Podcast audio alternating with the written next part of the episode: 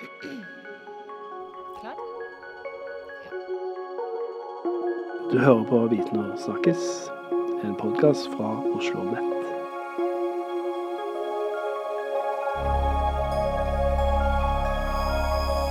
Velkommen til en ny episode av Viten og snakkes. Jeg heter Jeff Lugau og jobber i avdelingen for samfunnskontakt og kommunikasjon. And today's episode is going to be uh, an English language episode because with me in the studio today I have Alexandra Deineko, uh, who we're gonna who I'm gonna call uh, Alex. Uh, and uh, Alex is with us um, from NIBR, the Norwegian Institute for Urban and Regional Research here at Oslomet. And Alex, um, just a few months ago, uh, was still living in Kharkiv in Ukraine, where she was and still is an associate professor at VN Karazin Kharkiv National University at the School of Sociology.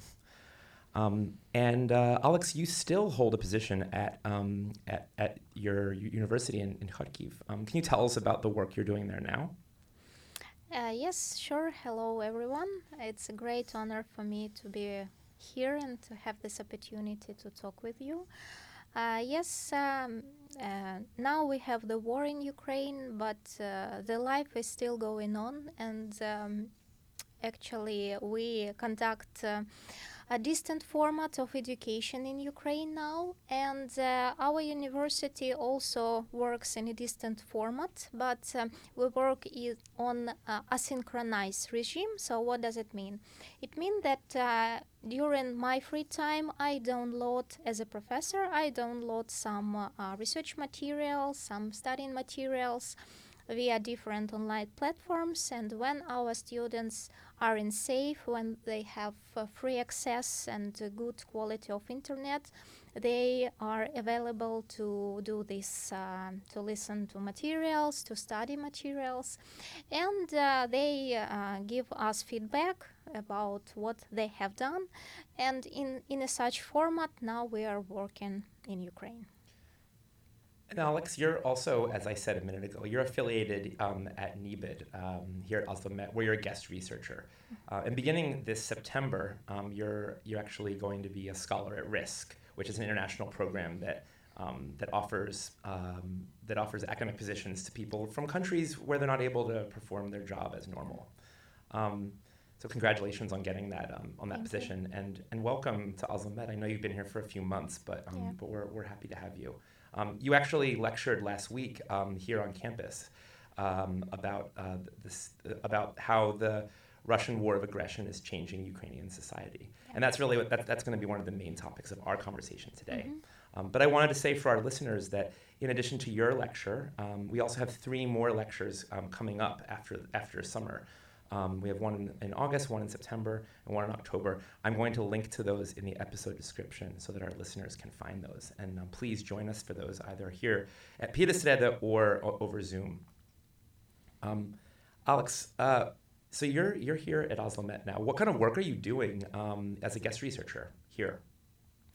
Actually, from the first days of being here, uh, I became the member of uh, Ni- NIBR's team, research team, and that is a great honor for me. And uh, um, for me, it was very important just from the first day to uh, to have work activity because I guess that uh, professional activity, intensive professional activity, helps nowadays to overcome war trauma and uh, you know to feel that you are useful for your country and for the, the country who hosted you which hosted you. So um, from the first days uh, i engaged in a research project and uh, uh, it is called uh, Ukrainian refugees in Norway from the first phase experiences from the first phase. And nowadays we conduct um, interviews individual and focus group interviews. We conduct uh, uh, quantitative survey with the Ukrainian refugees in Norway in order to understand their current problems they face here and to develop some policy decisions how to these uh, problems can be improved or solved. So, in such a way, I feel my attachment to my uh, own country and I feel that I can contribute both uh, to Norwegian society and Norwegian policy, and to, to help Ukrainians who are here now, to support them and to make their life being here better. How did you end up at Oslo Met, of all places? Did you have some kind of pre existing connection to the university or to anyone working here? Yes, actually. My uni- my university, Kharkiv Karazin National University, had cooperation previously with Oslomet starting from uh, 2018, and we have common project uh, which was called ARDU. It's accommodation for regional diversity. And the NIBR's team at that time, commonly with Kharkiv scholars, investigated the influence of decentralization reform in Ukraine uh, and uh, that was my first experience in communicating with uh, NIBR's team representatives. And from that time, we have very fruitful communication and cooperation. We have published a common book and uh, we have published several common articles uh, in Scopus journals. So, and we just um, maintain some um, communication from that time and uh, actually that was my um, bridge uh, when the war started, and uh, I just the first. Um, the first thing uh, what I was thinking at that time, whom I can trust in this situation and whom I can ask for help, and that was a representative of NIBR team, Aadne Aasland, the leader of the Ardu project, and uh, I remember then just on the seventh day of war, I wrote him a message, can I come here in Norway? And he was uh, very fast in his reply that I can come and uh, he will help me. And actually, uh, that how my trip and my being here started. Can you say anything about what the situation for researchers back in Kharkiv, in Ukraine more generally, is like right now? Uh, how, how are your colleagues um, doing? Are they able to work? Um, can you tell us anything about that? Mm-hmm. Yes, sure. Uh, actually, a lot of um, my colleagues uh, nowadays uh, uh, live uh, in different regions of, of Ukraine because uh, our native region, Kharkiv, is still like in a war zone, and one third of our region is occupied. So uh, some uh, some of my colleagues they moved uh, to western parts of Ukraine or to central parts where the situation is more stable and safe and they continue their work activity from there. But also those uh, colleagues who were who are fluent in english they were able to go abroad and uh, for example nowadays i know that some of them are in Finland and Switzerland, uh, in Denmark, uh, in um, Germany, and so on. So nowadays we have a really international team, but we are united by our desire to support our colleagues who are still uh, in Ukraine and uh, in our desire to speed up Ukraine's victory. I want to move on to um, one of the sort of main topics of our conversation today, and that's um, and that's how this how Russia's invasion of Ukraine is is is is transforming Ukrainian society. And there's there's five five areas that uh, that you and I agreed we would talk about um, that um, that we think are worth zooming in on, honing in on a little bit here. So those five areas are the political sphere, mm-hmm. the economic sphere, uh, education, mm-hmm. civil society, and social bonds. Mm-hmm. Um, why don't we start with uh, the political sphere? Mm-hmm. Yes, actually, um, in this regard, uh, I need to mention about political consolidation in Ukrainian society that we have never, have ever before the war. And um, President Zelensky request on political consolidation under the war was supported by representatives of different political parties and um, uh, they have united their force to reach one common goal to, to fight with enemy and to speed up Ukraine's victory. And uh, actually, um, previously confronting political parties in Ukraine nowadays working in the regime of assisting, not in the regime of criticizing.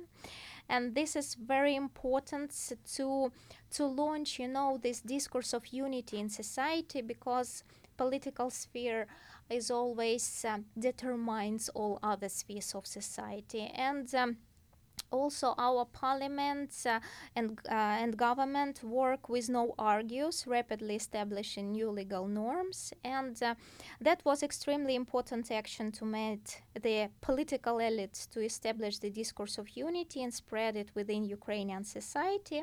And it has found support among Ukrainians because nowadays according to sociological group rating it's a sociological company that conducts uh, uh, research under the war. So um, our President Zelensky has an absolute level of support that is more than 90%. That is actually the first time that we have in uh, our Ukrainians' history such high level of support. And um, actually, uh, yeah, the main tendency in this regard is political consolidation, political unity. I cannot say that it's very stable and uh, maybe not so long term.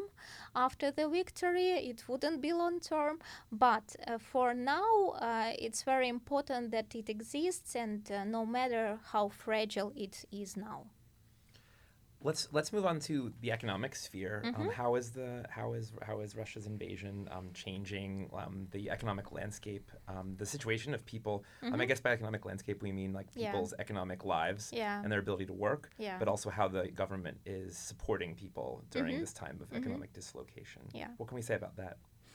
For sure, the war always bring harmful economic downturn, and people lose their jobs, and industrial capacities are demolished. And actually, the extent of the true humanitarian and, and economic catastrophe in Ukraine is hard to imagine. But uh, our international financial support addressed to Ukraine nowadays helps to keep the lights. And uh, uh, what's important to mention in this regard that first Ukrainians are gets are getting their pensions and salaries. In some uh, spheres, the salaries are cut and a bit reduced, but still it's quite stable economic support. Uh, from the government, um, but uh, in, in some spheres like self employed and business activities, for sure, they were more influenced by uh, economic downturn because, for example, people uh, had their cap- working capacities on occupied territories, or there is no, uh, you know, uh, people in Ukraine nowadays do not consume some sort of products because it's not. Uh, usual for wartime, for example, I don't know, sushi production or something like uh, some luxury or VIP uh, products and so on. Uh, but still, our government tried to um, provide some tax benefits and some assistance in transporting uh, business activities from uh, occupied or more dangerous area to the most safety area. And nowadays, we have some even state programs addressed to solving this issue. And uh, uh, what's important to mention that we have a lot of IDPs in Ukraine, people who forced to leave their uh, ho- uh, communities, native communities, and were di- displaced to western part, to central parts of Ukraine.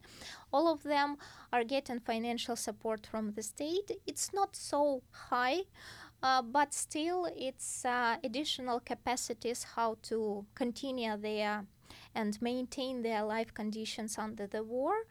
And uh, it was very important to to know that actually nowadays people have possibility to get free evacuation from the hot zones they don't need to pay any money for it and uh, they uh, can they can be provided by free host uh, so in this regard I, I need to mention that our state is working very well and uh, uh, the great contribution is from the international support.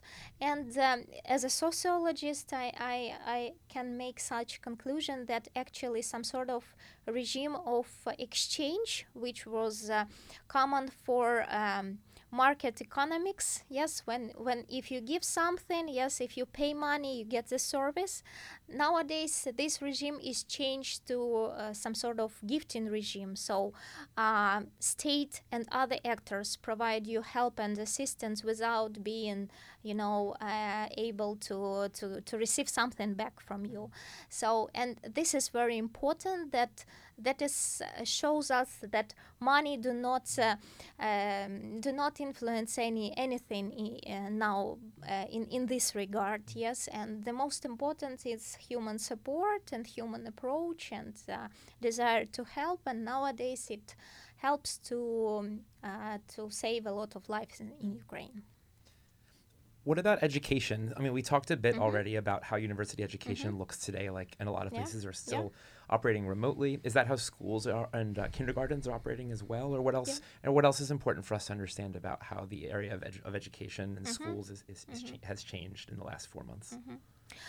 Uh, it's important to know that actually um, all actors involved in educational process in Ukraine are eager to maintain their activity. All actors understand that it's extremely important to um, to give education, to uh, provide educational services, not only following like standard programs and so on, but especially under the war phase. It's very important to uh, you know, feel socialization, uh, to feel human support, to navigate pupils and students who are very frustrated because of these events and so on. And uh, it's very important from psychological side to uh, to feel this support and to to live further. Yes, to understand that life is going on and there are such priorities like getting education. And uh, I'm I'm so happy that. Um, actually all of uh, actors involved in this process our ministry our teachers our um, professors at university everybody understands that nowadays it's very important um, not only from professional side but also from social and psychological side you know when to to create this social surrounding e- even understand it as some people have lost their I don't know close relatives and so on and teachers and pro- and uh, associate professors in this regard they can create this new type of social surrounding and uh, to make uh, to make the life under the war just a little bit easier for young generation now there are two other areas that I, that I wanted to touch on, and, the next one is, is, is civil society. Um, and before I ask you to tell us about the role civil society has been playing and how how it's uh, how yeah and how its importance has has changed since the war began, um, I just wanted to share that uh, I, I, have some contacts of my own in the LGBT community in in Ukraine and particularly in Kharkiv. Actually, um, I met some. I traveled there in 2020 and um, and met some activists um, who work with LGBT youth at this place called East Pride Hub, and um, and I follow their social media, so that this organization and a few other ones, um, and I see how much work they're doing to support their communities, mm-hmm. and that involves, um, yeah, I mean. It involves like filling in some of the gaps where maybe the state is, is not able to offer support, where the, the family unit is not able to offer support. but I kind of see the importance of, of, of civil society in this one small area um, in people's lives who are deeply affected by the by the war.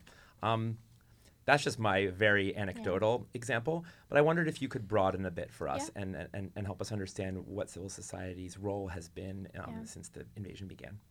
Yeah, I would like to mention some sociological data.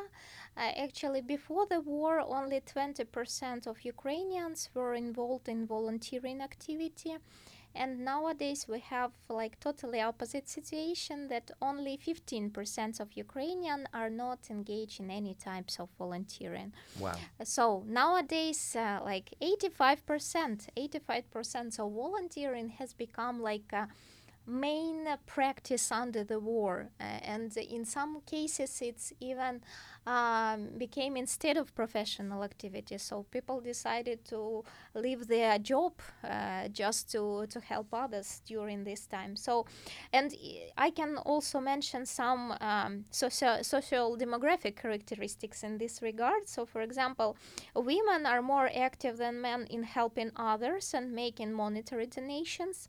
Men are more involved in volunteering in uh, special volunteering centers and conducting cyber attacks and participating in territorial defense. Young Ukrainians often engage in monetary donations, cyber attacks, and volunteering in the special centers. And the oldest uh, people show their care by helping others. So basically, people try to be affected in the area they are good at and most active in volunteering are middle income Ukrainians. And in this regard, as sociologist, I, I may say about a new aspect of Ukrainian identity nowadays. So being Ukrainian nowadays means maintaining in resistance. And uh, in this regard, just uh, if before the war Ukraine were, was perceived like uh, you know the country with a low level of democracy with weak democratic institutions, Nowadays, we can say that Ukrainian passport is like the symbol of real democracy values. And uh, I don't know which country nowadays can compete with mm. Ukraine in uh, local democratic initiatives and uh, you know this bottom-up initiative that just prospered with the beginning of war. And actually, such force of civil resistance nowadays is a key factor that stop Putin's blitzkrieg plan. And uh, um, like yes, it's it's very impressive. No, the, the, the numbers that you shared with us are really remarkable. Um, yeah. And um, I wondered if you just could say another word. I mean, both as a you, as a sociologist, but but also as a as a Ukrainian, yeah. are you are you frankly surprised by the strength of civil society and the level of civil re- and civic resistance that that we've seen in Ukraine? Or or yeah, I mean, to what extent are you surprised by this? Yes, yeah. I, I, can hear that you're inspired. Yeah. yeah. But are you also surprised? I'm a little bit surprised, actually. Yes, we have something similar uh, when the or uh, when the revolution of dignity occurred in 2014 but nowadays it's in a multiple scale. And you know it's like uh, it's like a common reaction, widespread reaction, and uh, because of uh, social networks, because of digital society and digital technologies, when we see these examples how people are engaged, it motivates other to, you know, to do the same and to contribute in such a way. So I think that uh, it, it's very important also to mention the role of uh, digital technologies, uh, technologies in this war because first of all nowadays all all the world can can know what's really happening in Ukraine yes and as well as other Ukrainians uh, who are nowadays located in different countries and so on they can also be inspired by these civil moods and uh, it, uh, it, it makes uh, the voice of Ukraine being heard in the world. Yeah. No, I absolutely see that. And I think there's no question the voice of Ukraine is being heard in the world. Yeah.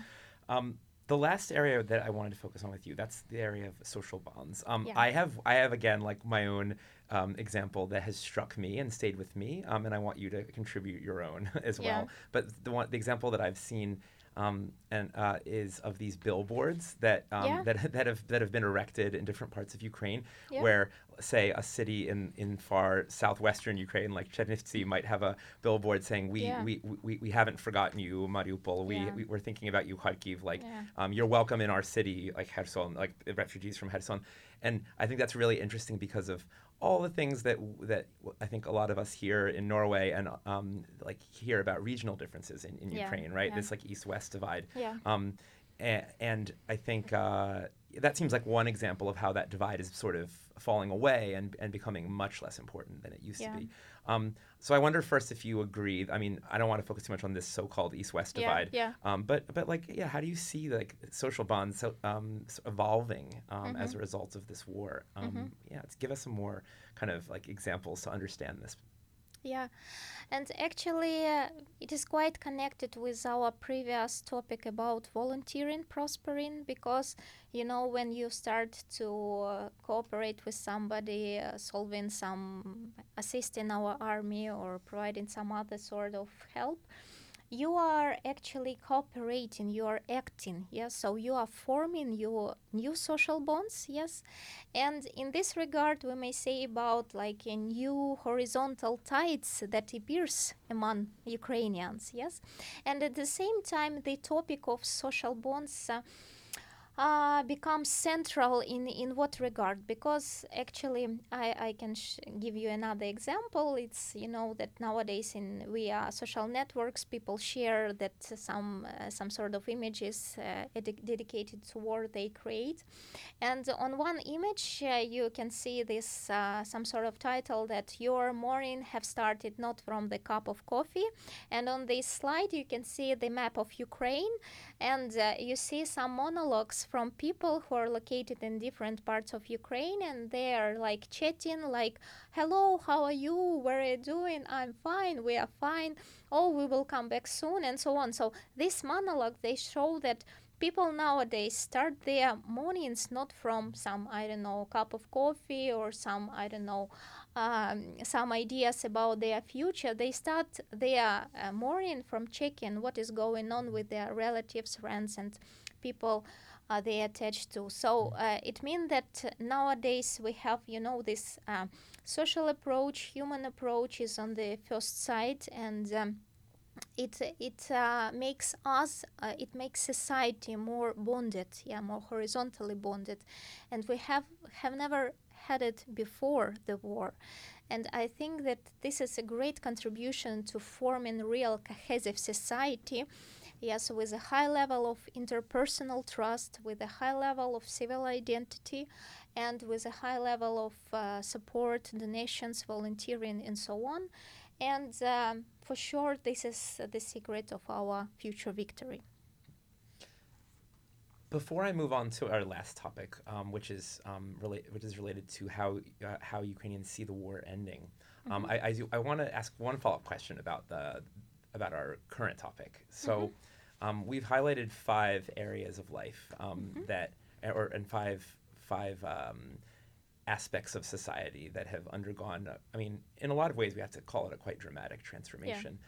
But is it the case? Are we, I mean, should we avoid looking at this in a black white black and white way i mean how many of these processes that we've just talked about um, were underway uh, um, starting in 2014 or, or even or, or 2004 or even earlier than that um, so may, maybe maybe focusing in particular on 2014 the beginning of the russian war against mm-hmm. ukraine mm-hmm. Um, I mean, to what extent did some of these changes, these transformations, this evolution in Ukrainian society begin then um, and, and then intensify in the last four months? Can you say anything about that? Uh, actually, uh, the 2014 has become the, the crucial year in forming Ukrainian democracy because you know that uh, a lot of people they just uh, protest against Yanukovych regime and his desire to go with Russia, not to with the EU, and people just go uh, on streets and uh, protested. And after Yanukovych escape, we have a great relaunch of our political elites and. Uh, you know, when political elites change, uh, we need to say about further changes on the legislative level and with establishing no new social norms. And from that time, we need to say about this. Uh, profound discourse of Europeization of Ukraine and uh, with uh, prospering all democratic principles, initiatives, and so on. And uh, actually, I have I think that uh, this uh, prosperous civil movement nowadays uh, are rooted somehow uh, on on that uh, on that actions and actually this is what we have developed we have prospered during these years and yes nowadays um, we are I, I think that uh, we uh, we have very strong democratic institutions nowadays in Ukraine especially under the war and talking about the future actually our our people Ukrainians they will have very high expectations from the uh, political transparency, and so on, because uh, we have already paid too much for for for such perspective. And for sure, I, I, I connect, I link uh, the power of common of uh, contemporary uh, civil resistance with that processes that started eight years ago. Yeah. So y- you you sort of um, you're so- you sort of naturally moved us into our last topic, and that's Yeah. that's the that's. I, I, a minute ago, I said the end of the war, but it, we're also talking about the future here, right? Yeah. Um, and and from where I sit, and from my own conversations with Ukrainian friends and people I've met in my travels there, um, I know that um, a positive vision of the future is is, is one is playing an important role in Yeah. getting people through this extreme Yeah. situation and these extreme days and weeks that they're living that you're living through and now Mhm. months.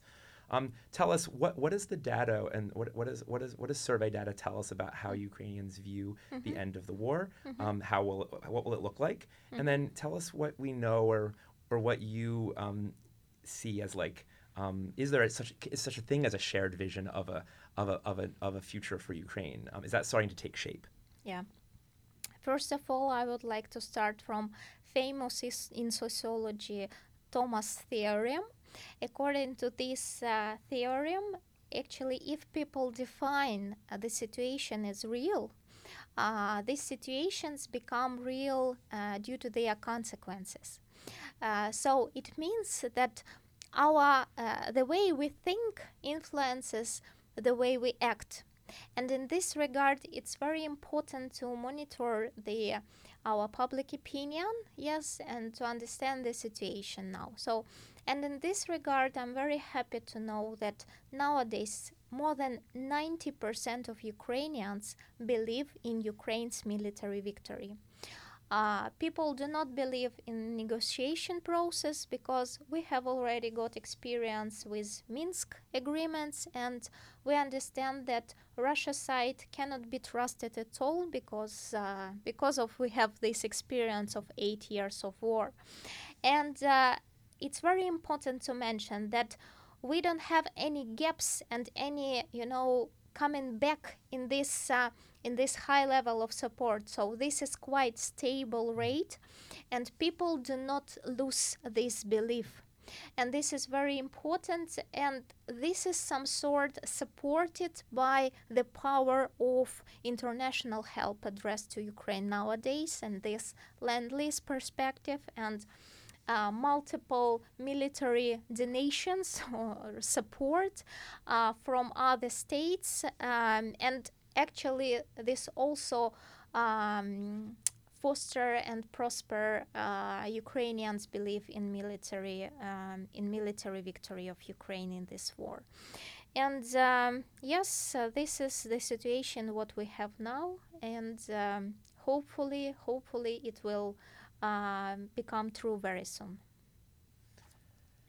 Alex Deineko, I want to thank you for joining us on the podcast today. Um, this was a really um, insightful and illuminating conversation. Um, thanks for all that you're doing here at OsloMet to help people better understand your home country, um, a place that uh, a lot of our listeners I don't know very much about. Um, so I want to I want to thank you again for coming here and sharing with us, and also just and helping enlighten us.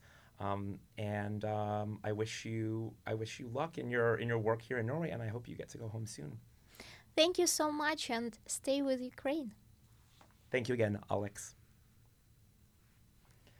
Og med det så avslutter vi denne episoden. Uh, I episodebeskrivelsen så, så lenker vi til litt lesestoff, bl.a. Uh, et par intervjuer med Alex som ble gjort i henholdsvis VG og Krono. Eh, og så lenker vi videre til den seminarrekken om Ukraina som fortsetter etter sommerferien. Takk til deg som hørte på i dag, og vi hørs.